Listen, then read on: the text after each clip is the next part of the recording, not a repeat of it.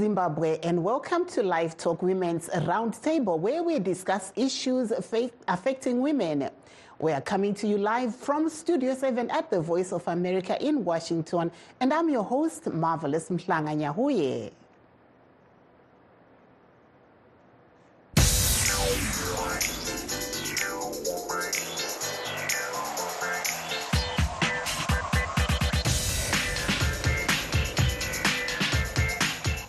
Today on a Live Talk Women's Roundtable, we're discussing the work some female Zimbabwean entrepreneurs are doing to help empower, empower others in their communities at home and worldwide.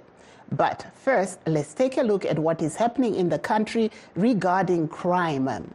Zimbabwean authorities say they are worried about rising crime, especially armed robbers, whose enforcement has led to law enforcement officers firing at and killing suspects.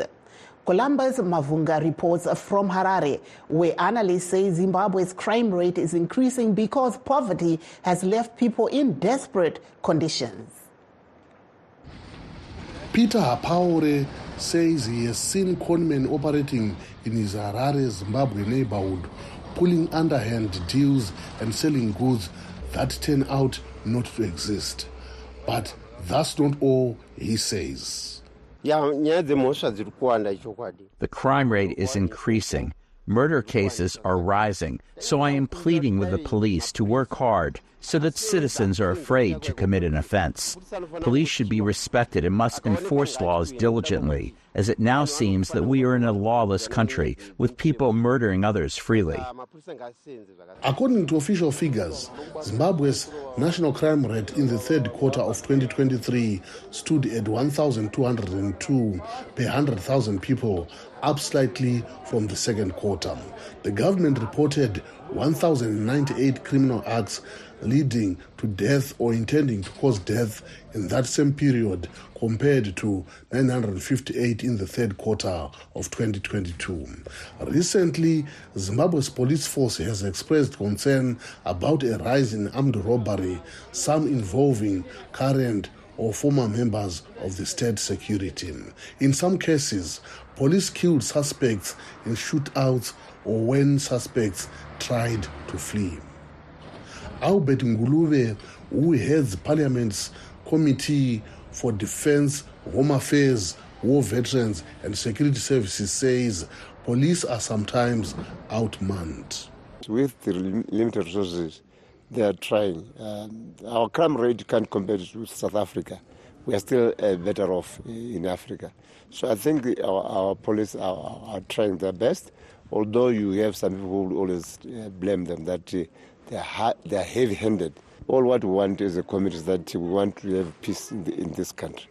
Obed Muzembe, a criminologist at Muzembe Law Chambers, says Zimbabwe's moribund economy and persistently high inflation are pushing many people toward crime so they can survive. And then, secondly, you are looking at the social fabric.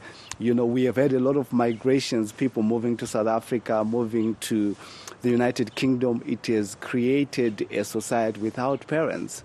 And as a result, young people are growing up without guidance and without mentorship, and they are bound to indulge in illegal activities. Muzembe recommends that the government find a way to improve the economy and that religious institutions and civic society do more to teach people good morals. Columbus Mavunga, VOA News, Harare. And uh, today in Harare, Harare Magistrate Vongai Guriro postponed to J- uh, 26 February 2024 a judgment in which former Harare East lawmaker Tendai Biti is accused of verbally assaulting and threatening Mrs. Tatiana Aleshina at the Harare Magistrate Court on November 30, 2020. Biti's lawyer Alec Muchadehama has this to say on what transpired in court today. Mr. Tendai Biti is facing allegations of assault. So he has been through a trial which has taken quite a long time, almost four years. So today, the matter was scheduled for judgment. But uh, unfortunately, the judgment was not read because we got the, re- the record late and filed our submissions late. So understandably, the court was not yet ready with its judgment. As a result, the matter has been postponed to 26 February 2023 for 2024 for judgment. So nothing much has happened today. He's alleged to have assaulted uh, a person called Tatiana Aleshina uh, outside court number 17 on the 5th of November 2020. But that was the, what was the subject of the trial. The circumstances were that uh, it is alleged as Mr. Biti was coming out of court, he then had a verbal altercation with the complainant. And that is where the assault is alleged to have emanated. Not that there was anything physical, but that uh, he simply pointed at her and used some words. That is where they allege the assault emanated from. That was Tendai Biti's lawyer Alec Muchadehama in Harare.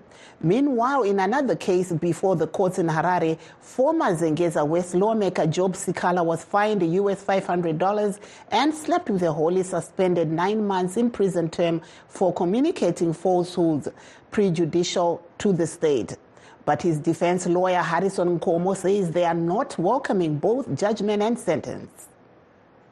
We are just coming out of court for the sentencing of uh, Job Sikhala in a matter of contravening Section 31, subsection 1, paragraph uh, 3 of uh, the Criminal Law Codification, basically a law criminalizing publication of falsehoods, a law that was nullified by the Constitutional Court, the highest court on the land, uh, in 2014. Uh, that notwithstanding, the magistrate proceeded to pronounce the sentence, and Job Sikhala has, pro- has uh, been sentenced as follows nine months imprisonment, wholly suspended for five years on condition that he doesn't commit a similar offense within the specified period. Further to that, he has been ordered to pay a US dollar fine, $500, failing which he shall spend an effective period of two months in prison. Um, and he has been ordered to pay that on the 4th of March 2024. Sure case like uh, the sun will rise tomorrow. 10 o'clock, the High Court shall proceed with our appeal. We have instructions to file an appeal as, an, uh, as a, a, a, registration of our displeasure or claims displeasure of this judgment. We disagree with it. It has no foundation at law. It is not sound. This law no longer exists. And it is wrong for a court to convict someone with a law that, no, that is no longer existing. The effect of a striking of an order, I mean, of a section by the High Court on the land, the Constitutional Court, means that law is dead. How does it resuscitate? No way, it can't. Yes, there are two cases that are outstanding. The one is for disordered conduct in a public place, which is coming on the 16th uh, tomorrow for, for judgment. And then we have uh, another one coming in for, for, for, judgment again on the 29th of February. So we have two outstanding cases here. But uh, we, as you are aware, there was another conviction uh, regarding uh, incitement to commit public violence, which we've already appealed against, and this one again we're going to appeal. So by tomorrow there will be two pending appeals in the High Court regarding Mr. Sikhala, and two outstanding judgments in this court, the Magistrates Court.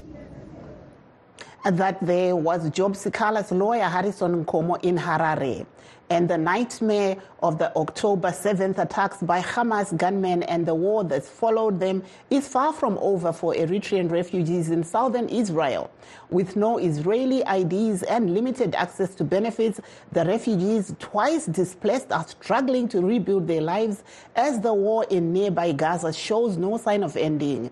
VOA Celia Mendoza reports from the southern Israeli port city of Ashkelon.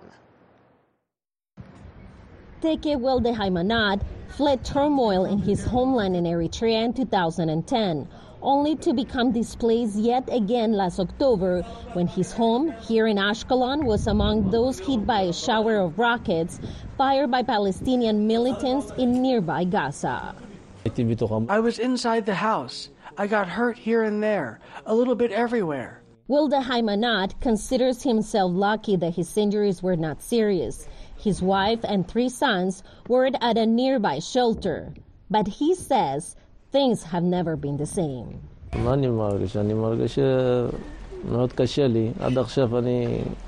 I feel it's very hard. What can I tell you?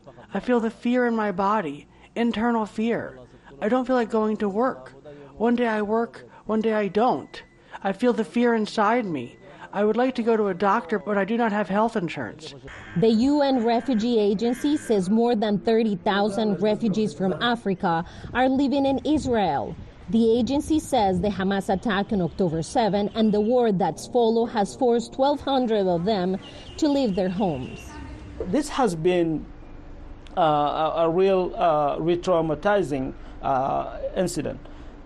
Not not only that, uh, some refugees members were killed. Um, we have two Eritrean refugees were killed by, by, by the attack of October 7, and one refugee from Darfur uh, that was killed in, in his road.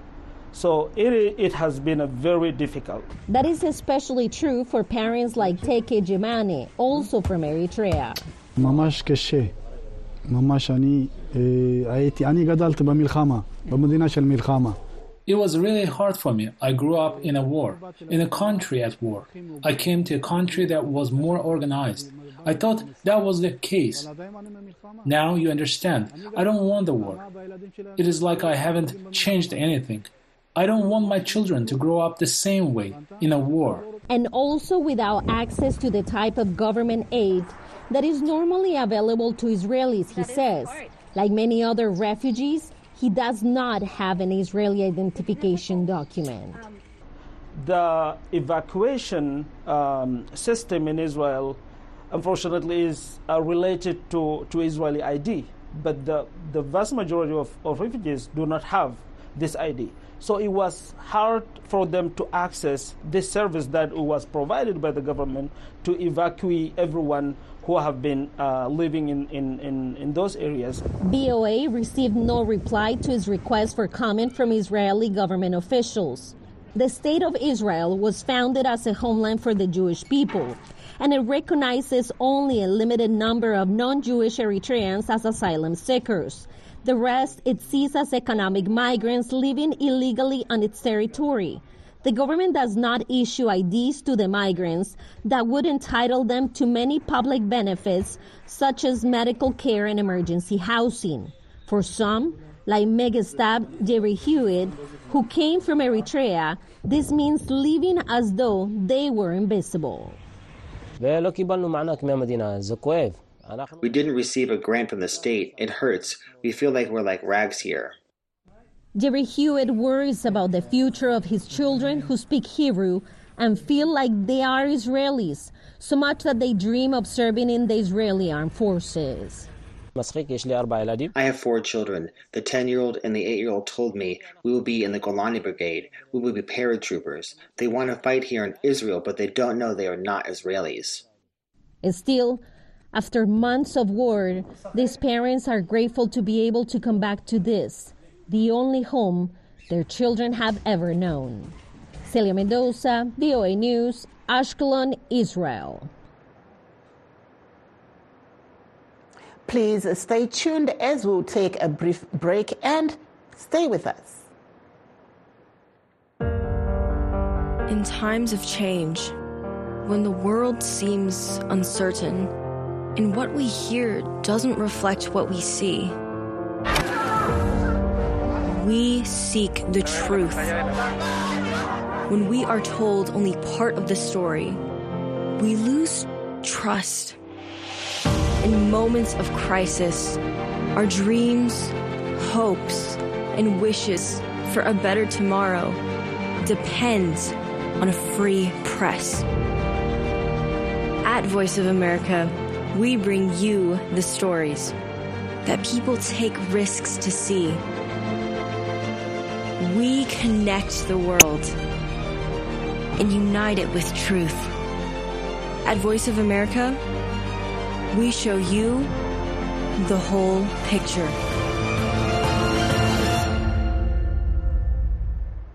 For those that have just joined us, uh, please note that we are streaming live on all our Facebook pages VOA Shona, VOA Studio 7, and VOA Ndebele.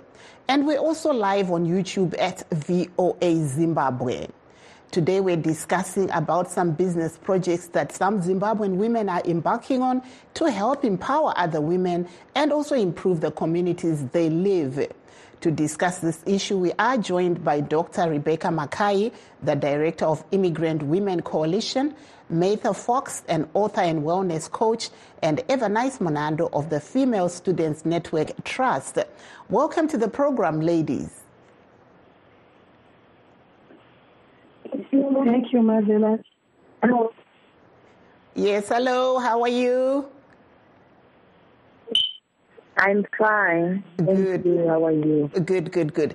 Uh, so I'll start off with you, uh, Dr. Rebecca Mackay. We used to speak to you. You were Pastor Mackay, but now you are Dr. Mackay. What changed? Uh, thank you so much, Marvelous, for the opportunity and to all the uh, audience. I am excited. What changed is the desire to do more, to want to learn more.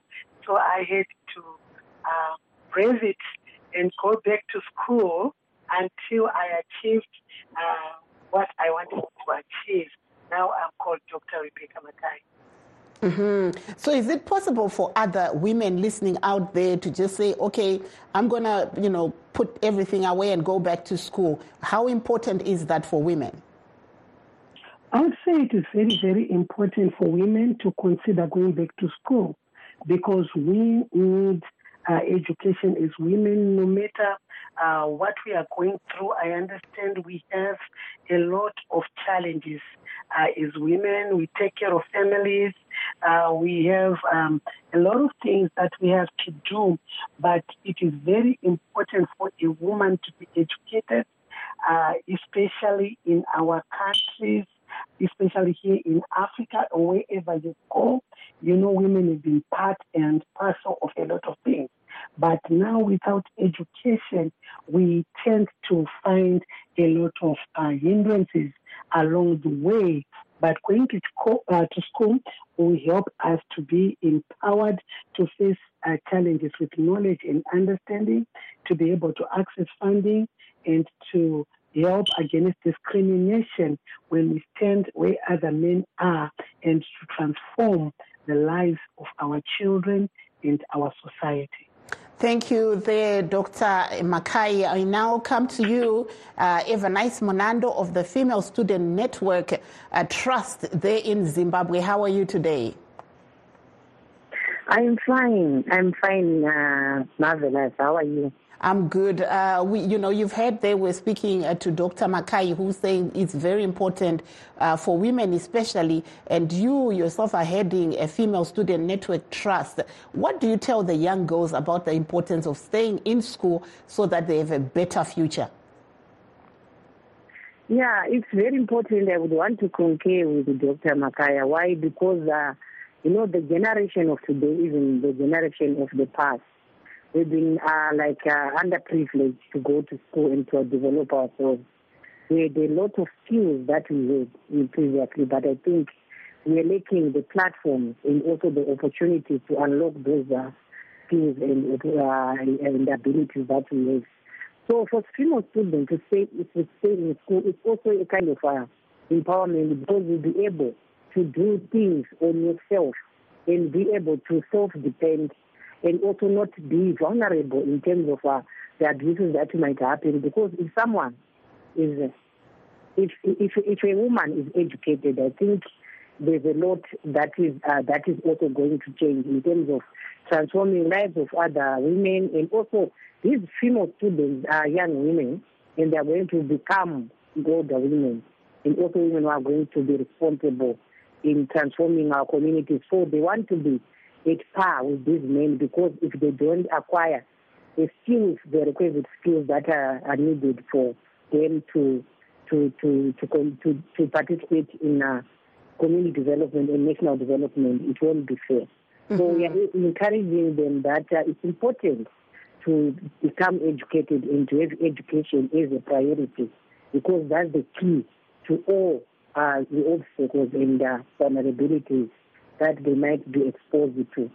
So that's why we are encouraging them that you really need to work hard. And if those who are also doing life skills, the, the manual work, they should do it, you know, with the expertise so that they also the job market, even at the moment, mm-hmm. also facing uh, also demanding such as such skills tinoona zvakare kuti sangano renyu raakudyidzana e, nedzimwe nyika musadak e, tiri kuona muri kuita zvirongwa zvakasiyana siyana zvekuedza kuti vasikana nemadzimai vawanikwe vachidyidzana mungatitauriro kuti zvakamira sei panyaya iyoyi? Nyaya iyi yakakosha mavelati nekuti takaona kuti e, tikangoramba taka tichiita basa remuzimbabwe chete. Nyaya dzedu dzevanasikana kana kuti dzemadzimai echidiki dzakangofanana e, maringe tichitarisa musadhiki muno mumadzimwe nyika dzakatikomberedza tinodyidzana ende matambudziko atinosangana nawo akangoda kufanana asi dzaiti dzimwe nyikawo dzinenge dzaapamberi maringe nekudii nekusimudzira vanasikana ivava saka kana tichivasanganisa zviye kana kuti tichishanda nawo nedzimwe nyika dziri musadhiki tiri kuitira kuti vana vedu ava vemuno muzimbabwe vezvizvaro zvemuno zimbabwe vadzidzewo kuti dzimwe nyika vanozvifambisa sei. Uyezve tichikopawo kuti kusvi vasvike pavasvika ipapo kana tichitarisa nyaya dzemutemo yemhirizhonga yemadzimai chaivo vakambozvifambisa sei? Vedu ava vangakwanisa seiwo kusimudzirawo kana kuti vatore chikamu munyika ino yeni yezimbabwe? Kuti ifananewo nedzimwe nyika dziri dziri musadhiki nekuti takaona kuti takangota hanzi chara chimwe hachisi panyinda mavelas mhm. saka takaona kuti takauya takawanda tiri vasikana wemuno musadhiki tichitaura neizwi rimwe chete. Zvinobatsira kuti ivo vatungamiri venyika dzedu vakwanise kunzwa izwi redu ende uyezve zvinovaisa panhene kuti hatingatadze kuita kuita sedzimwe nyika nekuda kupa mucherechedzo yekuti kana malawi yakakwanisa kucherechedza kuti mhirizhonga inofamba semudimbirawo remutemo. Ko isiwo chii chatingaita sezvizvaro zvemuno muzimbabwe?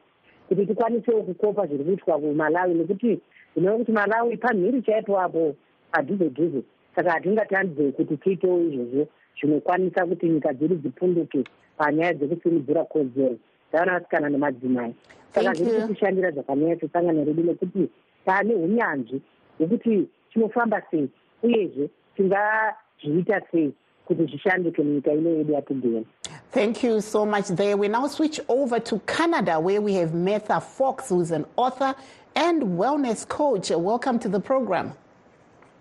Thank you, Marvelous. Thank you for the invitation. I really appreciate. Tell us a little bit about some of the work that you have been doing to empower, especially women and young girls. Yeah, uh, and that's uh, a topic uh, in my heart. So, the ways I've been empowering women and girls mostly is in the wellness. So I'm really big on helping women improve their like their mental health, physical health, and their financial health. So one of the bigger problems I've realized is women mostly who are stuck. Uh, most of these women, their husbands have left them.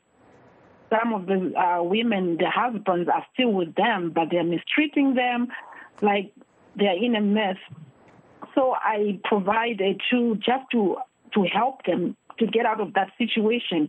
And one of the financial wellness I have started, um, I started um, uh, an uh, employment foreign worker in uh, agency. So the goal is to help those women come to Canada so that they can have a fresh start, mm-hmm. be able to raise money to take care of their children. And the other one I'm really uh, passionate that started this whole journey was the physical health. I struggled with fibroids for a long time and I did not know. So I empower women to know about fibroids, my journey, what happened, and how I've overcome that problem. So I do that through my book.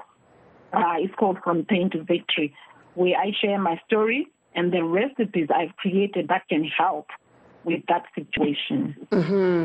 tiri ipapo eh, my folks vamwe vangada kuziva mataura imi kuti munobatsira eh, madzimai nyanya vanenge vari kuda kutsvagawo eh, mabasa ikoko kumarimuka kunana canada uko asi mazuva ano tiri kuona kuti pane chitsotsi chakawanda chiri kuitika pane vane kutsvaga mabasa vangazive sei kuti zvamuri kutaura izvi zvinozovabatsira okay so for Canada is very, very, very strict. kana une employment agency muno mucanada hautori mari yemunhu kuti ndikuda kukubatsira. What we do tinotsvaga macompanies ari kuda kuhaya vanhu vari outside. Saka company inenge ine ma-requirements airi kuda our job is just to connect the employee and the employer. So hatibate mari dzevanhu and my employers kuno canada is very strict. Zvekuti if you do anything funny you, you, you, you lose your license or whatever your privileges so with canada when we find an employer let's say ari kuda um, health care mm-hmm.